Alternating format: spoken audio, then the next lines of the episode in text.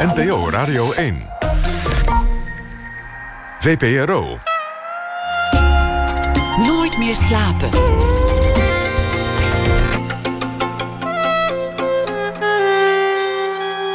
Met Pieter van der Wielen. Goedenacht, dit is Nooit meer slapen. Je zou maar in Irak geboren zijn. Dan was je opgegroeid met oorlog, nog meer oorlog, een gruwelijke dictatuur, IS, opstanden, terrorisme, corruptie, kankerverwekkende gifschandalen. Kort samengevat, geweld is nooit ver weg. En dat is ook de titel van het boek van Judith Neurink, die tegenover mij zit. 10 jaar berichten uit Irak. Het was ook al geen goudmijn, want hoe langer de geschiedenis van het land, het land bleef teisteren, hoe meer de Europese redacties hun belangstelling voor dat land verloren. Ten onrechte blijkt uit dit boek. Judith woont inmiddels in Griekenland en ze heeft al het leed van Irak van zich afgeschreven in, uh, in dit werk. Is het zware kost? Dat valt eigenlijk ook wel weer mee, want de auteur heeft oog voor het alledaagse. Want ook geweld en terreur kunnen alledaags worden. Judith Neurink werd geboren in 1957, was verslaggever voor verschillende media, zowel in Nederland als daarbuiten. En uh, dit is niet haar eerste boek. Judith, hartelijk welkom. Dankjewel. Laten we, laten we het, het onmogelijke gewoon even doen. Alsof we een soort uh, makelaar zijn die iets moet verkopen. Of een, uh, of een toeristische scout die een nieuw vakantiegebied in de folders probeert te krijgen. Laten we een beetje om de bomscherven heen kijken. Doen alsof de ruïnes er niet liggen. Oké. Okay. Doen alsof het allemaal pais en vrezen. Wat maakt Irak leuk? Waarom mensen? zou je verliefd worden op dat land? Het grappige is, er is echt iets tussen mij en Irak. En ik heb het nooit helemaal, uh, helemaal exact kunnen uh, beschrijven. Maar de mensen. De mensen is een belangrijk deel. Um, heel gastvrij. Uh, heel um, geïnteresseerd wel in, in wat er buiten het land gebeurt. Heel politiek ook. Uh, als je met Irakezen zit, binnen de kortste keren heb je het over politiek. Ik maak daar wel schapjes over. Dan zit je met een paar vrienden en dan is het de bedoeling dat je een gezellige avond hebt. En dan, je bent een minuut verder. En daar ga je al hoor. Uh, de Iraakse politiek, de wereldpolitiek, alles. En het eten is, uh, is geweldig. En dat hoort wat bij eet, de gastvrijheid. Wat, wat, eet je daar dan zoal? Um, de, de keuken van het Midden-Oosten. Um, waar mijn Koerdische vrienden altijd heel erg trots op waren. Uh, de dolma's. Japrach heet dat in het Koerdisch. Um, verder zijn het de starters, de, de mezen.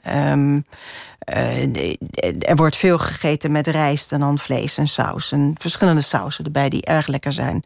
Mijn favoriet tapsi uh, uh, is met um, aubergine en tomaat. En heerlijk. Ja, je kunt heel lekker eten. En het weer is ook goed? Het weer is uh, daar ben ik absoluut verslaafd aan geraakt. Hoewel het in de zomer wel heet is. Maar het feit dat je, dat je altijd licht hebt, dat vind ik zo belangrijk. En dat mis ik ook deze dagen in Nederland enorm. Dat, dat, dat zonlicht, wat uh, ja. Uh, je, je, je kunt er in de zomer niet echt in zitten. Zoals wij in Nederland natuurlijk wel het liefst in de zon zitten. Um, maar het, het, het vult je. Het, het, het, het neemt de schaduw weg, toch ook. Ja. Dus al die zwaarte wordt ook een beetje ongedaan gemaakt, omdat je gemoed zich herstelt door, de, door het zonlicht. Dus je leeft een beetje op, omdat het toch gewoon ook lekker weer is. Ja, nee, dat is heel belangrijk. En in het voorjaar, uh, dat is echt de mooiste tijd. Uh, eigenlijk heb je twee keer voorjaar. Ook het najaar is een beetje voorjaar. Want dan na de zomer beginnen al die bloemen weer opnieuw. Maar het, voor, het, het echte voorjaar, dat is schitterend groen. Um, in, in Koerdistan gaat iedereen dan naar buiten om te picknicken. Dat is een heel bijzonder seizoen. En het, het is er schitterend ook. Het is een heel mooi land. Je schetst één beeld dat, dat bij mij bleef plakken in Fallujah. Een brug is gebombardeerd en nooit meer hersteld. Het geld was op. En die twee uiteinden van die kapotte brug... die dienen nu als duikplank voor jongeren... die willen zwemmen in de Tigris. Ik ja. vind het een prachtig beeld, omdat het aan de ene kant paradijselijk is. Je gaat van de hoge in het mooie water en je zoekt verkoeling voor het lekkere weer. En tegelijk is alle tragiek van het land bijeen. Een oorlog en er is niks gebeurd daarna. Had het toch de cover van het boek moeten worden? Dat was, beeld, die het foto. Was, het was namelijk, uh, uh, het was of die Of wat uiteindelijk de cover is geworden van een jongetje in een school waar eh, het Waar plafond net- nog kapot is. Ja. Waar ook net van alles naar beneden is gekomen. Ja. Uit deze foto spreekt iets meer eruditie. ja. Zijn het de kinderen die zwemmen die de hoop vertegenwoordigen? Of wordt er toch nog wat geleerd en gewerkt aan de toekomst? Dat is Ja. eigenlijk de vraag. Ja, nee, dat is de vraag. Dat klopt, ja. Want, Ja. want los van alle toeristische schoonheid die je schetst, wat een, wat een gruwelijk land. Wat kan een, een land het zwaar treffen in de geschiedenis? Dat ben ik helemaal met je eens. Ja, het is een, het is een land waar. Het, het- toch tegelijkertijd laten we even bij het positieve blijven. Ondanks alle ellende, die Irakezen die overleven het toch steeds maar weer. Eh, En dat, dat bindt me ook enorm aan hen. Ehm, al die tegenslag. eh, en, en er zijn echt generaties die eh, niks anders hebben meegemaakt dan de ene oorlog na de andere. Een van mijn medewerkers zei bijvoorbeeld ook eens tegen mij van die en die rekende ze voor. Ja, ik ben van de ene oorlog naar de andere, naar de andere, naar de andere gegaan. En er komt er straks weer eentje aan. En toch, ze overleven. Wat, wat bedoel je met overleven? Want, want velen overleefden in letterlijke zin niet. Er zijn heel veel mensen gesneuveld. Natuurlijk, ja. Maar, maar wat bedoel je? dat ze ehm, uiteindelijk toch hoop houden. Dat ze, eh, ondanks de hopeloze situatie waar ik niet meer tegenkom, eh, dat, ze, dat ze het volhouden. Dat ze iets hebben van ja, er moet een moment komen dat het voor ons ook eh, positiever wordt. En die momenten hebben ze gekend. Ik bedoel, dat is natuurlijk ook waarom die hoop er wel is. Toen ik binnenkwam eh, in Irak, toen ik, toen ik me daar vestigde in 2008, was het net op, op zo'n moment. De- Saddam was eh, inmiddels vijf jaar weg. Ehm, er was echt wederopbouw eh, die, die werd gepleegd. Ehm, een paar jaar later was de economische groei tot 10% eh, opgelopen.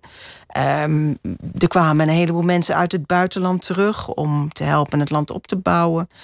Dat was een, echt een, een hele hoopvolle periode. Dat iedereen dacht van nou, we doen het. Het, het gaat gebeuren. Democratie lag voor het oprapen. Eh, ik ging er na- naartoe om daarmee te helpen. Ehm, toen kwam ISIS en het hele plaatje draait weer om. Jij noemt het ISIS. Anderen noemen het IS. Weer anderen noemen het Daesh. Waarom kies jij deze term? Omdat als je IS zegt, Islamitische Staat, zoals eh, ISIS dat zelf zegt. Ehm, eh, het is een staat die door niemand erkend is, behalve door henzelf en hun vriendjes. Dus je steekt ze eigenlijk een veer in de hoed, onbedoeld. Ja, ja. En ehm, ik vond het ook wel mooi dat ehm Daesh, eh, wat, eh, wat de Irakezen zeggen, wat in de Arabische wereld wordt gebruikt, dat is in feite de, het, dat betekent hetzelfde als ISIS. En ISIS is de organisatie die de Islamitische Staat, en ik doe nu Aanhalingstekens. eh, de Islamitische Staat heeft, heeft eh, opgericht, heeft, heeft neergezet. Eh, dus voor mij is het altijd ISIS gebleven. Ja. En zeker als je het nu hebt over die mensen die gevangen zitten, over de, de families, dan zijn dat echt ISIS-families en dat zijn geen IS-families. Want dat zijn de families van de mensen die lid zijn van de organisatie ISIS, die een islamitische staat heeft opgericht. Dus voor mij is het heel principieel. En ik ben het ook blijven zeggen, terwijl iedereen altijd maar IS heeft gezegd. Ja. Want je, je wil ze niet erkennen. Die Nee. staat die is er nooit geweest, behalve in hun eigen ogen. Laten we ze ook niet zo noemen. En dus laten we ook vooral, eh, omdat eh, in Irak het eh, zo duidelijk is dat niemand spreekt over Daula Islamia. Iedereen heeft het over Daesh. La- Laten we even teruggaan naar het, het begin. Voor jou, wat was het moment dat je voor het eerst in Irak kwam? Het moment dat je zo verliefd werd op dat land? En wat was toen je doel? Eh, dat was in 2003. ehm, een Het jaar van de Amerikaanse inval. Ja, een paar weken na eh, de val van Saddam. Eh, en dat was voor mij heel bijzonder, want mijn twee belangrijkste landen als buitenlandcorrespondent van Trouw waren Iran, waar ik al geweest was een aantal keren, en Irak, waar ik maar niet binnen kon omdat Saddam daar zat. En onder Saddam werken eh, betekende dat er altijd iemand met je meeging en dat je mensen in gevaar bracht, naar mijn idee. Dus ik was heel erg blij dat ik eindelijk kon gaan kijken uh, of die verhalen die ik had gehoord van de mensen om me heen, of die allemaal wel klopten en hoe dat land er dan bij stond. Ik was heel erg geschokt. Um, ik ging de eerste keer um, het land in via Kuwait. Um, met een delegatie van Amnesty International. Want uh, er was eigenlijk nog niks. Er waren nog geen hotels open. Uh, uh, en ja, het land was echt verwaarloosd. met name als je, in die, als je vanuit Kuwait binnenkomt... dan ga je eerst naar Basra en de Sjiitische gebieden. En Saddam had dat, uh, die wilde de Shiiten, die, de, die al de meerderheid vormden in Irak, die wilde die eronder houden. En uh, dus het was enorm verwaarloosd. Um, wat er met mij gebeurde uh, op dat moment, um, ja, is toch die klik. Um, en uiteindelijk, dat waren denk ik toch nog steeds de mensen die ik het aardigst vond. En die geschiedenis het is natuurlijk een enorm oud land. Het is de bakermat van, uh, van het christendom, om, om maar iets te noemen. Um, het is een, een, een land wat um, heel graag ook, mensen gaan heel graag in hun vertellingen terug naar hun uh, verleden. Uh, Mesopotamië, het, het, het, het tweestromenland. dus ja, dat. In zekere zin de bakermat van onze beschaving. Ja. Dat, dat is een eer die vaak aan Griekenland wordt toebedeeld, maar kan je net zo goed over, over Irak zeggen? Ja, want uh, het schrift, uh, het oudste, de oudste schrift is, is in Irak gevonden, bijvoorbeeld. Maar je komt daar, je wordt verliefd op het land, op een oude cultuur. Je bent geschokt over hoe dat land erbij ligt. En er is nog iets aan de hand, want, want jij was een van de weinige mensen die zich ermee bezig hield, die eigenlijk wel wat zag in die Amerikaanse inval. Ja, een voorstander, zou ik heel plat zeggen. Ja, ja, ik was niet de enige hoor, maar uh, ik was inderdaad... Waren, ze waren uh, niet in de meerderheid in Nederland in die tijd. Nee, dat klopt. Uh, en ehm, ik was echt van mening dat Saddam moest weg. dat was duidelijk een dictator die zijn eigen mensen vermoordt. gifgas gebruikt tegen de Koerden. Um, die kan daar niet blijven. Zoals we over Assad in Syrië dat natuurlijk ook hebben gezegd uh, vanwege eh, alles wat hij tegen zijn eigen mensen gedaan heeft. Um, ik had veel Koerdische vrienden die dat uitdroegen. Ik had ook Sjiitische vrienden die dat uitdroegen. Achteraf gezien, um, na een heel aantal jaren in Irak gewoond te hebben, uh, kwam ik tot de conclusie dat er. Het, de inval was nodig, dat vind ik nog steeds. Maar ik vind dat er heel veel fouten zijn gemaakt. Uh, en dat die fouten hebben geleid tot. Uh, het is een soort domino die, die, die om zijn gevallen daarna. Dat land is geïmplodeerd door die fouten. Ja, ja daardoor uh, um, in een heel lang proces heeft dat in feite geleid tot ISIS. Het interessante is dat je voor 2003 weinig informatie kreeg uit Irak zelf, vanwege Saddam Hussein. En de Nederlandse regering, Amerikaanse regering, Engelse regering, die luisterden allemaal naar ballingen. Ja. En die hadden weer contacten in Irak, maar vaak in het noorden, vaak Koerden. En die, ook vaak Shiiten trouwens. En die dachten dat ze goede bronnen bij de hand hadden. Ja. Dat, dat gold in zekere zin voor jou dus ook. Dat gold voor ons allemaal. We waren afhankelijk van, van, uh, van die mensen die hun informatie van hun familieleden in Irak kregen. En ik denk ook dat we ons te weinig hebben gerealiseerd dat die een partij waren. En ook dat de informatie die zij kregen van hun familieleden. En mensen konden nauwelijks door die telefoons uh, uh, zeggen wat ze wilden zeggen. Dat was gevaarlijk. Dus informatie was schaars, informatie was gekleurd. Um, en achteraf natuurlijk heb ik mezelf voor mijn hoofd geslagen.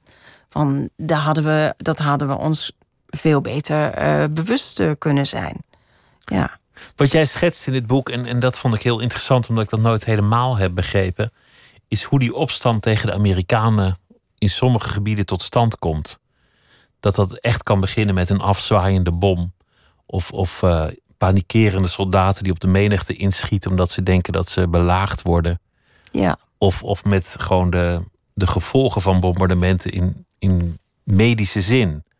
Omdat er mensen met merkwaardige klachten kampen die waarschijnlijk wel komen door die bommen. Ja. Ze hebben eigenlijk een groot deel van de bevolking tegen zich in het harnas gejaagd. Dat hebben ze en dat is eigenlijk al vrij snel gebeurd. Ehm, je had het net over die brug, die staat in Fallujah. Inmiddels trouwens met Nederlandse hulp grotendeels uh, hersteld. Um, maar in, uh, in Fallujah um, is in feite het verzet tegen de Amerikanen begonnen. En dat, dat is gebeurd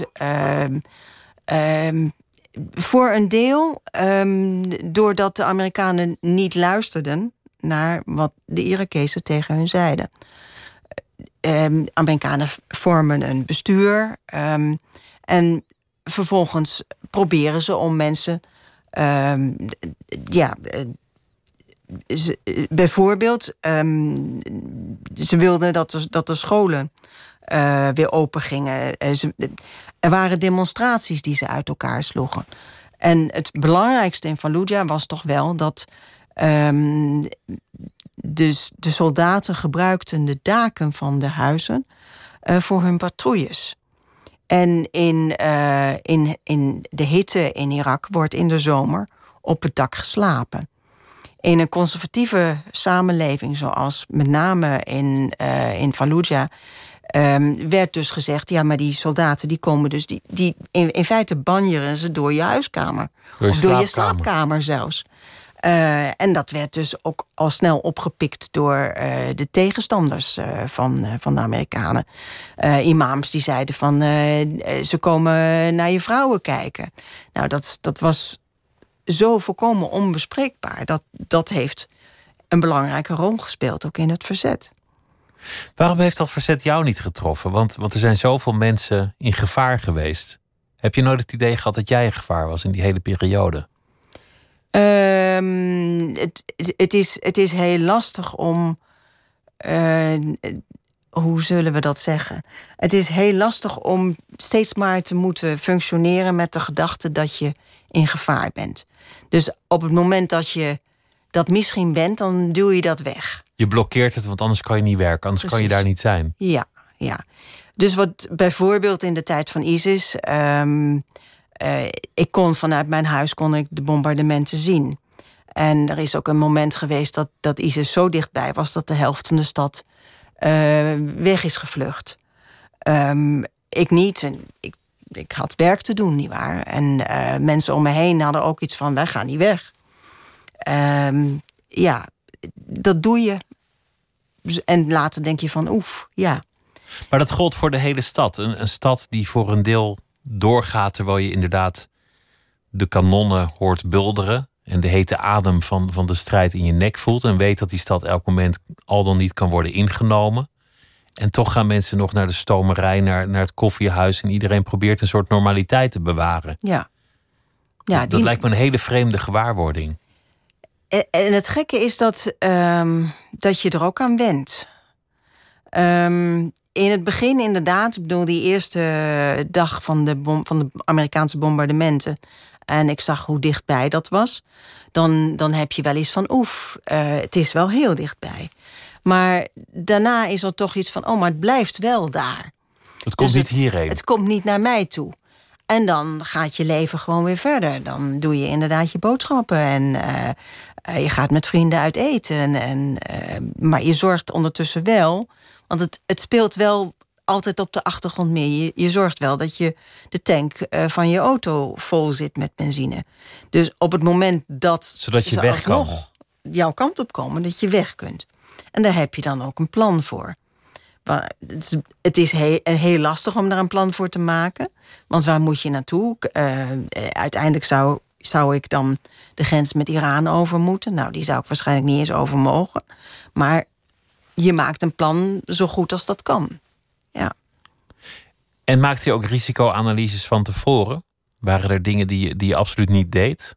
Volgde je raad in die zin? Ja, ja. Um, het is heel belangrijk als, als, uh, als je op pad gaat uh, in, in steden waar um, het nog niet zo lang geleden onrustig is geweest, dat je heel goed luistert naar um, de fixers, dus de, de mensen die voor je dingen regelen. En eh, daar had ik er een paar van. En, en een van die dingen is, Fallujah hadden we het net al over, blijft nog steeds toch wel een beetje een, een, een, een niet helemaal veilige stad. Ehm, daar ga je uh, een paar uur maar naartoe. En dan zorg je dat je van plek naar plek gaat. En dat uh, eigenlijk er niet van tevoren een programma is. En dat je ook aan het eind van de middag weer gewoon vertrekt.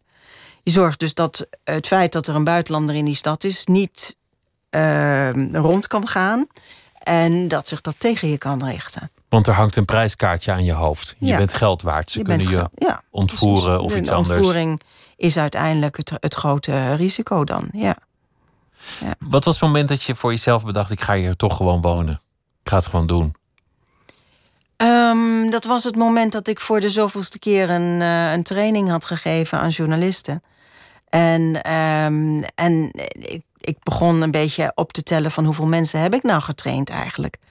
En dat ik, dat ik dacht van ja, als, als er iets moet veranderen, dan moet er een mediacentrum worden opge opgezet en dan moet het professioneel. Um, en ik heb daar plannen voor gemaakt en daar subsidie voor gevonden. Uh, ja, en toen was natuurlijk de vraag wie gaat het dan doen? En dat ging ik dus doen. Um, het lastige was natuurlijk wel dat je denkt dan... oké, dan gaan we een jaartje doen en dan komen we weer terug. Uh, de baan bij Trouw, die werd lekker warm gehouden. Uh, en na anderhalf jaar... ik was nog steeds niet uh, ver genoeg om, om terug te gaan... en om het over te dragen aan iemand anders. Dus uiteindelijk heb ik daar bijna vijf jaar gezeten als directeur van een, van een mediacentrum. Ja. Mensen die je hebt getraind zijn ook later gestorven in al het geweld dat je beschrijft. De titel is ook niet voor niks. Geweld is nooit ver weg. Ja. Want, want alle facties en alle splinters van het uiteengevallen land kunnen elk moment zich op geweld beroepen. Ja. Ook in het dagelijks leven kan het zomaar ineens knokken worden. Ja, nee, dat heb ik, dat heb ik verschillende keren gezien. En inderdaad, er zijn, uh, er, zijn, er, er zijn een aantal van mijn studenten in de problemen gekomen. En er is er in ieder geval één die um, uh, vermoord is vanwege een verhaal waar hij mee bezig was. Ja, dat was heel ingrijpend voor ons allemaal omdat je op dat moment uh, denkt van oké, we proberen mensen te leren uh, om uh, volgens onze westerse normen toch bericht te geven in een land waar persvrijheid met de mond beleden wordt, maar waar krachten zijn die zoveel anders zijn dan hier in Nederland bijvoorbeeld, of, of in de rest van Europa.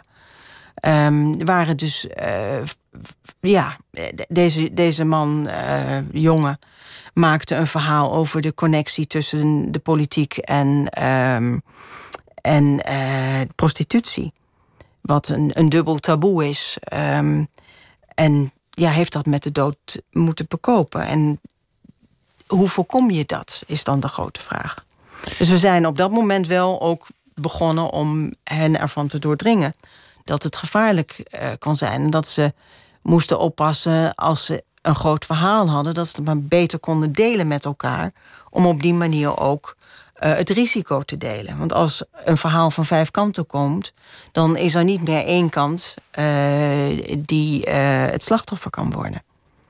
Het is natuurlijk ook niet de cultuur waar mensen erg direct zijn, waar mensen het slechte nieuws graag brengen. Het is, het is niet een gewoonte, dat, dat schets je ook in je boek, om, om te zeggen: um, je mag mijn fiets niet lenen. Je stelt nee. uit je zoekt omwegen en zo probeer je de ander te laten raden dat het niet mag. Net zolang tot het, het duidelijk het, wordt. Het woordje nee is, is heel moeilijk in een, in een land waar beleefdheid zo belangrijk is als, als in Irak. Dus zeggen dat iets niet deugt, dat doe je eigenlijk Dat doe je ook, ook eigenlijk niet. Nee, dat klopt. Ja. ja. En, en dus draaien mensen heel erg normaal om, om de hete brei heen. Ja. En dat maakt journalistiek ook moeilijk. Dat is een van de dingen wat journalistiek moeilijk maakt. Maar er zijn er nog een heleboel meer. Het is ook een cultuurkwestie. Um, en, het, en uiteindelijk, uh, waar, uh, waar ik uiteindelijk op afgeknapt ben, is toch wel dat uh, journalistiek in Irak totaal um, gebonden is aan partijen. Met andere woorden, eh, er is geen echte vrije journalistiek op een paar kleine media na. Je hoort bij een clubje en die waarheid vertel je. Ja, his master's voice. En, uh, en die partijen die beleiden wel dat ze vinden dat de, dat de journalistiek beter moet, dat de kwaliteit beter wordt, moet. Maar um, het is uiteindelijk ook liegen en bedriegen. Ben jij niet getraumatiseerd geraakt? Al met al. Ik denk een beetje. Al die verhalen, al, al die dreiging, al dat geweld. Ik heb... Sterfgevallen nabij. En, en ik begrijp dat je niet graag wil klagen omdat anderen het erger hebben. Precies, ja. ja. Maar als je dit tien jaar lang optelt, van, van het verslag doen, daar wonen, die trainingen.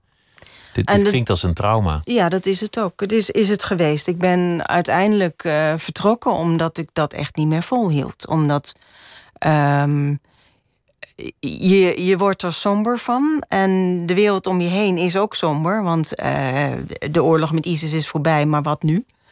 Uh, het gaat niet vooruit, er is een recessie enzovoort. En voordat je je realiseert dat er ook iets bij jou mis is, ja, dan, dan ben je al wel een heel eind. Want als, als verslaggever, als iemand die het over moet brengen, het, het, het verhaal moet wel via jou. Als je het niet verinnerlijkt, kan je, kan je het ook niet vertellen. Dus uh, alles wat je hoort, komt, komt ook echt binnen. Al dat leed is door jou heen gegaan. Ja, ja. En wat is dan het moment dat je denkt: het gaat eigenlijk helemaal niet meer? Uh, dat is het moment waarop je merkt dat je in de omgang uh, uh, niet meer zo, zo plezierig bent. Je wordt gewoon chagrijnig. Je wordt, ja, je wordt chagrijnig, je wordt depressief. je, um, je, je bent snel boos. Dat ook. Ja. En, en dat is ook het moment. En, en de emoties. Ik bedoel, ik, ik was. er zijn tijden geweest dat ik echt zo snel in tranen was. Dat, Nee, dat. En, en dan realiseer je, nu moet ik echt iets gaan doen, want er is ergens iets fout. Ja. Toen heb ik een, een, een vriendin die ook therapieën uh, doet voor uh, Yazidi-vrouwen gevraagd. En die heeft me in twee sessies behoorlijk geholpen. Want als je maar eenmaal weet wat er gebeurt met je, dan kun je er ook wel aan werken. Ja. Ik las ergens op een dag zit je emmer vol. En dat is zo'n platte beeldspraak dat ik hem wel mooi vond. Ja. Op een dag zit je emmer gewoon vol. Ja, die zit, die zit inderdaad vol. Ja. En dan, en dan alles wat erin komt, dat, dat, dat vloeit er weer uit. Ja. Je hebt ook muziek uh, meegebracht. Muziek die uiteraard uh, uit Irak uh, komt. Chopi Fata, een Koerdisch-Nederlandse zangeres. En ze werd geboren in Kirkuk. En ze is naar Nederland geëmigreerd met haar familie. En dit is een liedje van haar dat heet Baran. Dat betekent regen.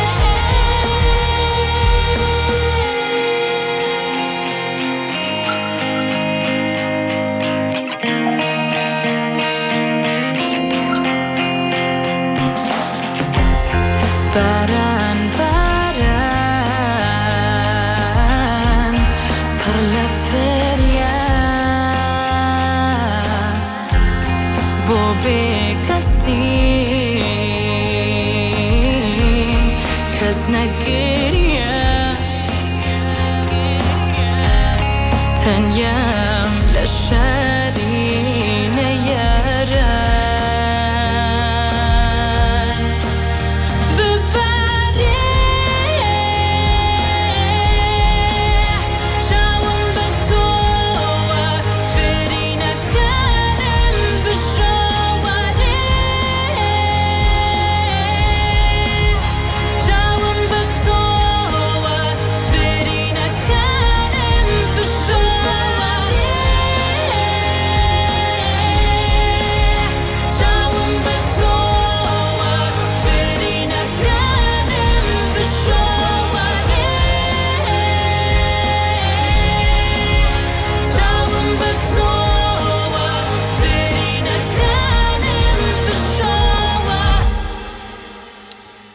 Chopi Fatah is dat een uh, Koerdisch-Nederlandse zangeres, geboren in 1983 in Kirkuk. En dat is uitgekozen door Judith Neurink, die tegenover mij zit. Ze heeft een boek geschreven, Geweld is nooit ver weg, tien jaar berichten uit Irak. En dat is een boek waarmee ze afscheid neemt van het land waar ze zoveel tijd heeft doorgebracht. En dit is uh, muziek die daar veel mee te maken heeft. Ja, en ik vind dit uh, een heel mooi nummer, omdat Choppy zingt over regen. Ik heb ongelooflijk de pest aan regen. Uh, maar in een land als Irak ben je ongelooflijk blij met regen. Dan gaan mensen juist naar buiten als het een keer regent. Ja, dat doen ze ook echt. Uh, en, en alles ruikt ook anders, want uh, er ligt natuurlijk zoveel stof dat op het moment dat die regen valt, dan, dan ruik je echt dat natte stof. Dat is een hele andere geur dan hier in Nederland, wanneer je vooral ook het natte gras ruikt. Uh, en ja, het feit dat je zo mooi over uh, regen kunt zingen, dat, dat, uh, dat vind ik geweldig. Ja.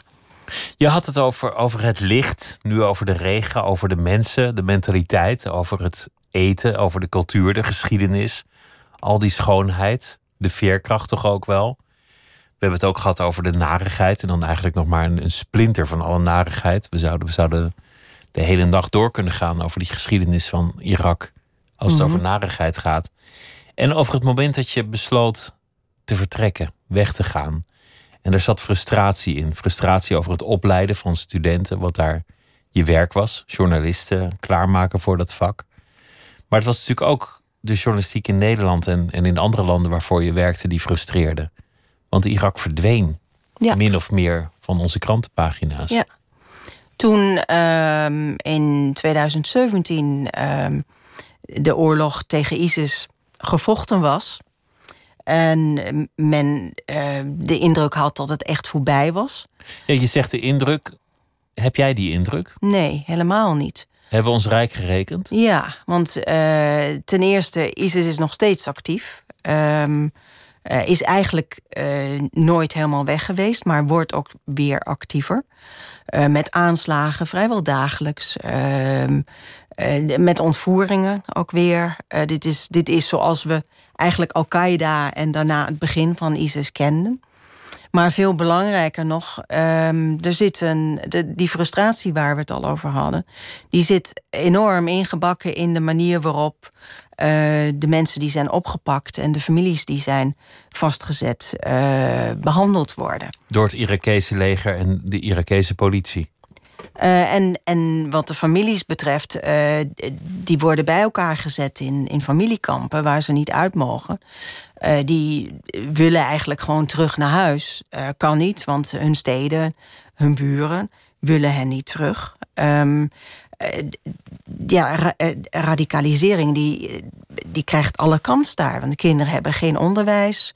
er is niemand die ehm, tegenwicht biedt aan de ideologie van ISIS die daar nog heel erg aanwezig is. Het lijkt alsof dat de ideologie is die in elk gat kruipt waar iemand iets laat liggen, waar frustratie en woede zijn, zal dat als een soort onkruid naar boven komen. Ja, nee, dat zeg je heel mooi. Dat, dat, is, dat is het ook. Het, het, het is uh, op het moment dat je ehm, zoals in Irak nu gebeurt, niet goed voor je mensen zorgt, dan, ehm, eh, dan wint het geweld. Daar komt het in feite op neer. Dan komt dat geweld weer terug. Ja. Je schetste één verhaal dat ik nergens had gelezen. En, en als dat in ieder ander land was geweest, was het voorpagina nieuws geweest, waarschijnlijk. Maar omdat het Irak is en er al zoveel rottigheid over Irak geschreven is, is het mij in ieder geval ongemerkt voorbij gegaan. Dat gaat over het uh, verarmd uranium dat gebruikt is bij bombardementen. Dat waarschijnlijk in die wapens heeft gezeten. Ja. Dit is altijd ontkend door de Amerikanen, althans naar buiten toe. Er zijn wel degelijk aanwijzingen dat ze dat wisten. En er zijn er regio's waar mensen gewoon kanker krijgen of, of kinderen met afwijkingen. Ja. Waar mensen niet zo oud worden.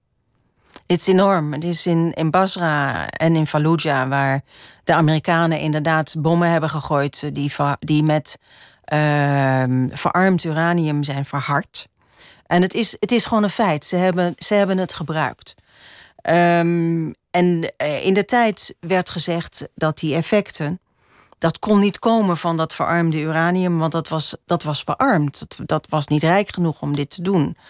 Um, inmiddels, um, het, het, Amerikaanse leger, uh, weten we, heeft zijn eigen mensen gewaarschuwd. Blijf uit de buurt bij waar uh, die raketten, die bommen zijn ingeslagen. Want met name het stof ervan is kankerverwekkend. Um, in, in Basra en in Fallujah zitten ze met enorme uh, gevolgen. Kanker, maar ook misvormde kinderen. En het gaat zover dat uh, een van de artsen die ik in, in Basra tot twee keer toe met tien jaar ertussen uh, sprak, uh, zei van ja, vroeger was de vraag als er een kind werd geboren, is het een meisje of een jongetje? Nu is de vraag, is het normaal? Um, vrouwen uit Fallujah zeiden tegen mij, als straks, dat was toen ISIS nog de stad bezet hield en ik sprak hun buiten de stad, als straks ISIS weg is, um, wij kunnen geen kinderen meer krijgen. Want al die kinderen die zijn misvormd. En ik zie het zelf nog steeds uh, op Twitter. Ik heb een, uh, een Twitter-account waar ik wat ik volg. En daar zijn wekelijks weer nieuwe geboorten van onooglijke hoopjes vlees. Een gruwelijk verhaal. Ja. Moet voor jou ook frustrerend zijn dat niemand het wil kopen van je. Dat het eigenlijk niet, niet aanslaat, niet wordt opgemerkt in andere landen. Het is niet een schandaal, of, of ik moet me vergissen? Het is geen, nee, het is geen schandaal. Het is echt enorm ongelooflijk dat het niet wordt opgepikt.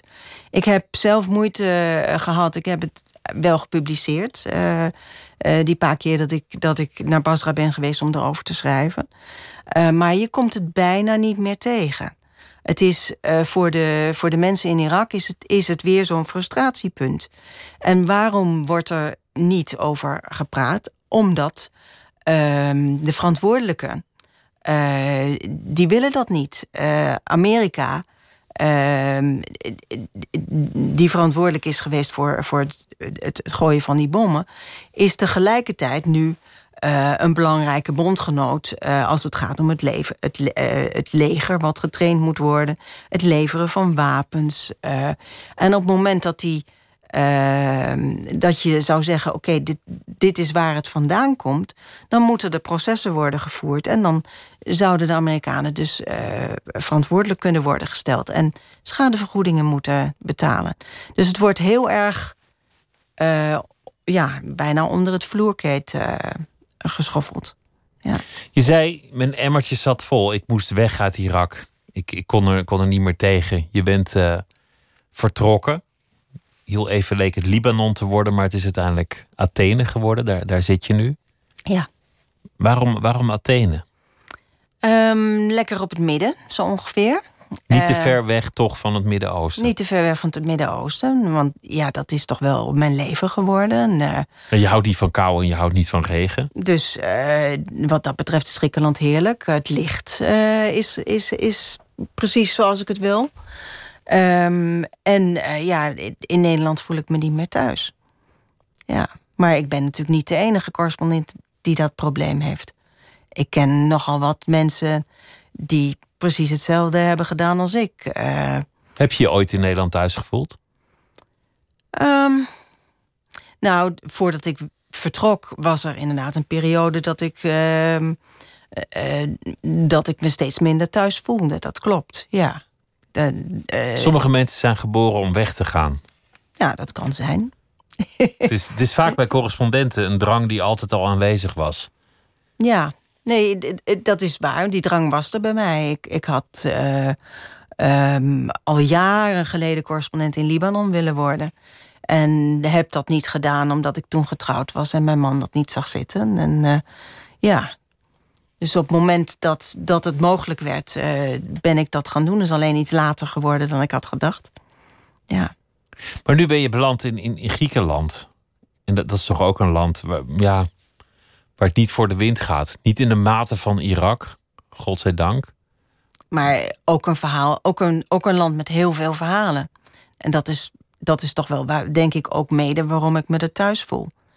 Ja. Er moet wel iets gebeuren waar je zit. Ja, er moet wel iets gebeuren. Ja, er moet wel. eh, Griekenland is, is, is rand van Europa. Je zit in Europa, dat is heel prettig. Eh, je kunt ongeveer alles kopen wat je wilt. Gewoon je geld uit, uit, de, uit de pinautomaat halen. Ehm, maar tegelijkertijd, een deel van de sfeer doet mij heel erg denken aan, aan, aan het Midden-Oosten. Ja.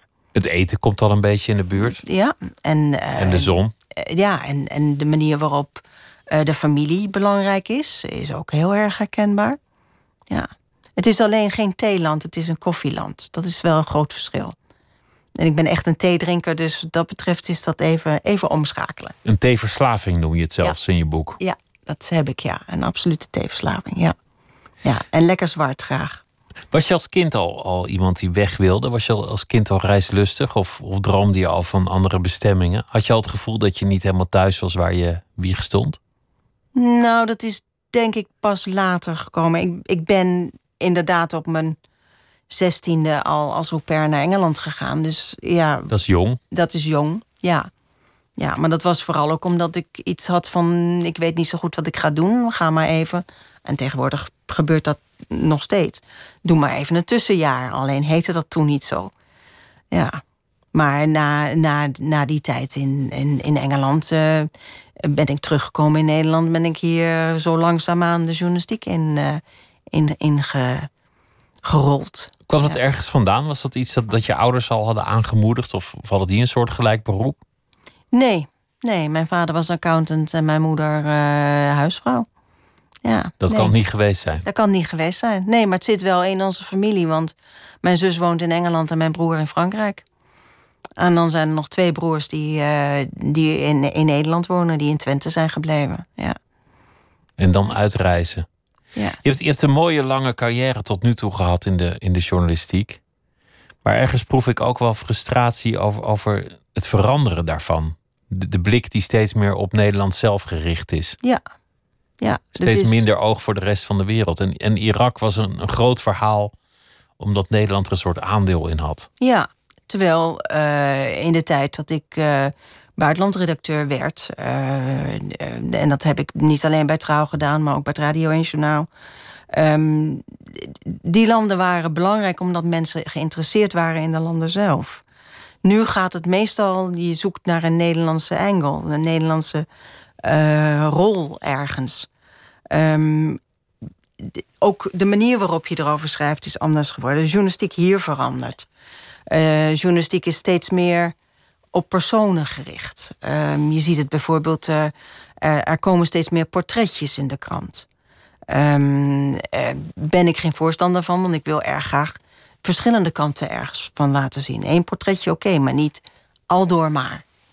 Ja. De journalistiek verandert.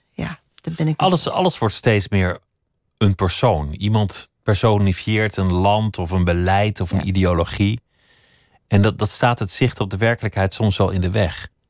De Ja. Tweede Wereldoorlog wordt nu ook al verteld als een, als een fitty tussen Hitler en Stalin en Churchill. Maar het waren hele ideologieën die met elkaar botsten. Ja, Je kan dat niet op, op die personen toeschrijven. nee, dat klopt. Ja. En, en als je het hebt over, over landen in het Midden-Oosten, dan dat zijn eh, enorm ingewikkelde verhalen. En ik heb de afgelopen jaren echt heel veel moeite gedaan om ze simpel te houden. Om te zorgen dat je dat je, luisteraar en je lezer niet lastig valt met, uh, met dingen die ze niet meer kunnen volgen. Um, maar dat, dat, dat werd steeds simpeler, heb ik het gevoel. Het moet allemaal steeds simpeler. En dan ga je ook denken: de leider is dood, dus ISIS is dood. Saddam is weg, dus het land is gered. Je gaat in dat soort overzichtelijke termen denken. Ja, omdat. En je laat je foppen. Ja, en, en dat, dat, dat is inderdaad. Dat, Nederland wordt wat dat betreft gefopt, maar niet alleen Nederland.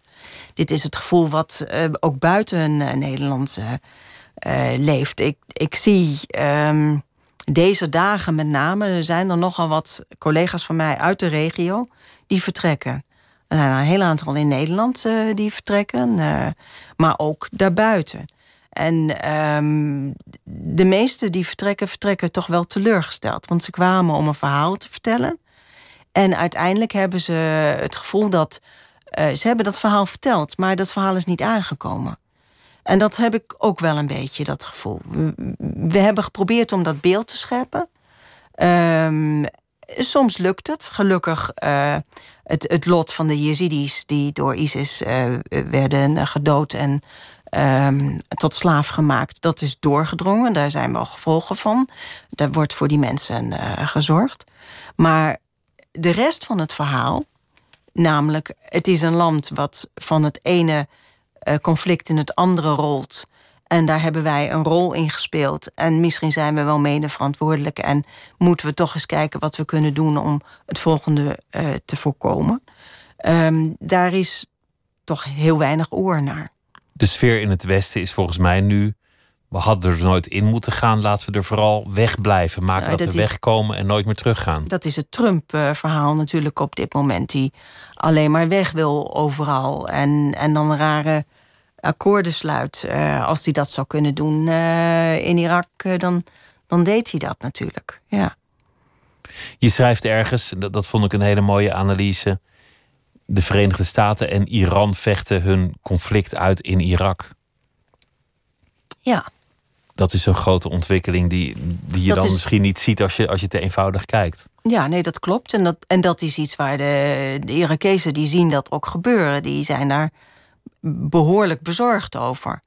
Um, dat zijn de twee landen um, uh, die het op dit moment eigenlijk voor het zeggen hebben in, in, in Irak. En meer Iran dan de Amerikanen, eerlijk gezegd. Um, uh, omdat de Amerikanen zich in 2011 al militair hebben teruggetrokken. En daarna is, Iran uh, nog steeds veel machtiger geworden dan het al was. Um, en nu um, er dus een duidelijk conflict is um, tussen de regering van president Trump en de, en, en de Iraanse regering. Uh, wordt dat in, in Irak voor een deel uitgevochten. We hebben dat gezien met um, uh, de drone-aanval um, op Soleimani, de Iraanse uh, generaal. maar je ziet het ook. de, de Iran heeft een aantal milities in, in Irak financieel en ook militair gesteund. Er zijn aanvallen op uh, de, de Amerikaanse troepen die in Irak zijn om uh, het Iraakse leger te trainen. Um, mensen zijn, de Irakezen zijn heel bezorgd dat, dat dat escaleert en dat dat bij hun zal escaleren. Ga je ooit nog terug naar Irak? Ik zal er nog wel blijven komen, ja. Dat, dat zal nog wel. Uh, ik, ik de bedoeling was dat ik eind uh, deze maand een, reis zou maken met een aantal Nederlandse toeristen. Uh, dat lijkt niet door te gaan en dat komt dan niet door het geweld, maar door het coronavirus. Um, dat soort dingen zal ik blijven doen. En, en, ik blijf ook gewoon het land volgen. Ik blijf deskundige wat mij betreft. Ja. En intussen in, in Athene zitten. En dat, dat is een land dat, dat op vele manieren ook wonderlijk is. Wat je hier meestal te horen krijgt is de crisis is wel achter de rug. De economie groeit weer. We hebben het overleefd. We kunnen allemaal verder. Ja.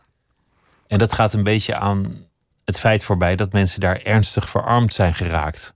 Sommige mensen zitten ongeveer op de helft van het niveau van voor de crisis. Oh, nog wel minder. Ehm, als, als ik daar nu een baan zou zoeken, dan zou ik het moeten doen met ongeveer 500 tot 600 euro per maand. Nou, dat zijn salarissen die, die echt heel veel lager liggen dan ze waren. Lager liggen dan, dan de normen in Europa ook. Ehm, en, en je ziet dus ook dat een, een deel van de Grieken, uh, met name Griekse jongeren, die zijn naar het buitenland gegaan. Dat is een brain drain in feite.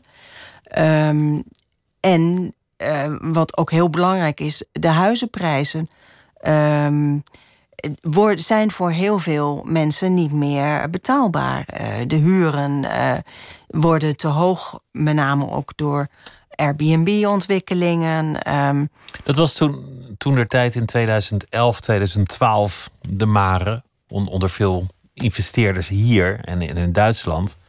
Koop nu snel wat pandjes in Athene, want het is zo belachelijk goedkoop geworden. Ja, die huizenprijzen gaan langzaam weer wat omhoog. Uh, de, de stijging is wel ingezet. Het gaat langzaam beter. Maar het is, uh, het is nog steeds, als je door de stad loopt, in mijn buurt, um, op iedere vier winkels zijn er twee dicht. Um, er, is, er is heel veel aan middenstand wat gesneuveld is in, die, in die recessie. En nog niet weer terug. En het vertrouwen in de politiek is nog niet gigantisch. Nou ja, ze, ze, hoppen nu. Want we hebben eerst een linkse regering gehad en nu is er een rechtse. Ik zeg al we, hè? hoor je me? Ja, de Grieken. ja. Maar een beetje Griek is anarchist, toch? Ja, een beetje Griek is anarchist. Dit is een van de, van de landen in Europa waar nog echt anarchisme aanwezig is, ja. Waar um, wijken zijn, uh, waar een wijk is in, in, in, in Athene, waar de politie nauwelijks binnenkomt. Uh, waar als er, als er gedemonstreerd wordt, uh, er van tevoren al gezegd wordt: jongens, dit, dit wordt onrust, dus blijf daar maar weg. Waar ook gewoon het hele centrum van de stad wordt afgesloten hè, als er een demonstratie is. Ja. En daar worden ook weer illegale opgevangen. Er, er gebeuren ook weer allerlei dingen die de regering liever niet zou zien, maar ze komen er nou eenmaal niet. In, in, die, in Exarchia, de, de wijk waar uh, uh, met name ja, waar, de, waar de politie bijna niet binnenkomt, daar, daar zitten ook illegale, maar ook vluchtelingen. Um, omdat de politie daar niet komt. Maar die zijn door de nieuwe rechtse regering um, een paar maanden geleden beetje bij beetje eruit geduwd. Dus we hebben nu in Athene steeds meer mensen die op straat slapen, zichtbaar op straat slapen, in de winkelstraten, maar ook in de, in de wijken. Dan loop je overdag uh, door de stad en dan zie je ergens in een portiek uh, de dekens nog liggen van degene die daar s'nachts overnacht. Ja. Dat zijn er veel. Toch is het een charmante stad. Het is een geweldige stad. Het is echt een, uh, een redelijk groene stad. Um, het is een, een stad met heel veel oudheid. Um, uh, je kunt er heerlijk lopen. Het is, het is een, een hele plezierige stad, ja. En als je de mensen gastvrij vond in Irak, dan... Dan, dan zijn ze dat in Griekenland dat... ook. Ja. Dat hoe, hoe, ga, hoe ga je rondkomen de komende tijd? Wat, wat, wat is het plan? Het plan is uh, om uh, um, te zoeken naar een nieuwe inkomstenbron. En dat zal denk ik vooral tekstverwerking zijn, um, redigeren en toch ook nog schrijven. Uh, daar zitten nog wel wat boeken uh, die eruit moeten. Dus uh, dat zal. Maar ja, boeken verdienen nauwelijks. Dus dat, dat is niet waarvan ik rond ga komen. Nee. Boeken, verhalen, reizen, reportages, romans heb je ook geschreven inmiddels. Ja.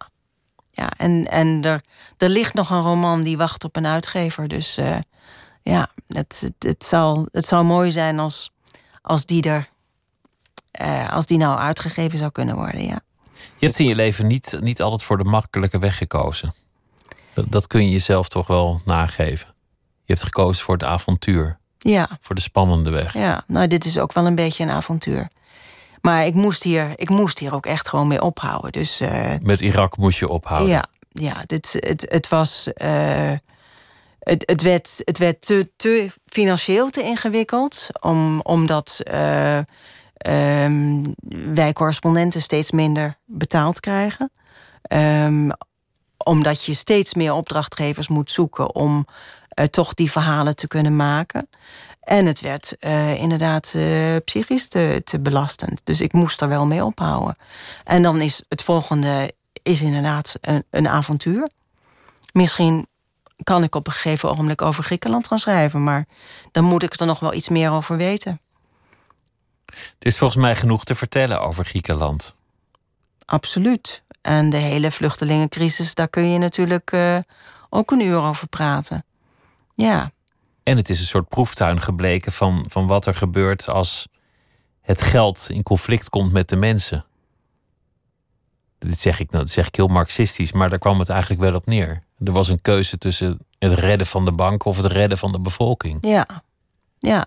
En dan is de bevolking misschien toch niet zo belangrijk. Nee, dan is de bank uiteindelijk het belangrijkste, dat klopt. Ja. Maar dat zie je niet alleen in Griekenland, het is in Libanon ook aan de hand. In Libanon uh, um, zijn op dit moment uh, de banken. Uh, daar, daar kan je bijna geen geld meer afhalen. Dus net zoals we in Griekenland een tijd lang hebben gehad, dat je maar, wat was het, 300 euro maximaal per week van de bank af kon halen. Ook al had je, ik weet niet hoeveel erop staan, er was een, een maximum, bedrag. En dat, dat, dat is in Libanon op dit moment ook aan de gang. En daar ja, daar kiest, kiest men ook voor de bank. Uiteindelijk is het natuurlijk voor een economie heel belangrijk dat je dat, je dat geld nog steeds ergens hebt om dat weer in die economie te stoppen. En dat zie je nu ook wel, want het, het begint wel langzaam weer op te pikken. Op te krabbelen, maar tegen een, uh, een hoge prijs. Ja. Ik wens je veel succes en veel mooie verhalen. En ik hoop ze allemaal uh, te lezen. En dit boek heet Geweld is nooit ver weg. 10 jaar berichten uit Irak. Judith Neurink, dank je wel dat je langs wilde komen. Geen dank. Het was me genoegen. En zometeen kunt u luisteren naar uh, Wouter Hamel, de gast bij uh, Miss Podcast bij Misha Blok. En Nooit meer slapen is er morgen weer. En dan is tekenaar Willem te gast, onder meer tekenaar van uh, Charlie Hebdo. Een goede nacht.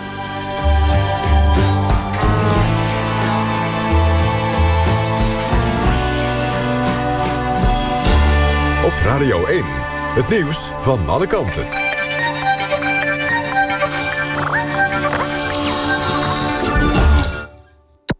NPO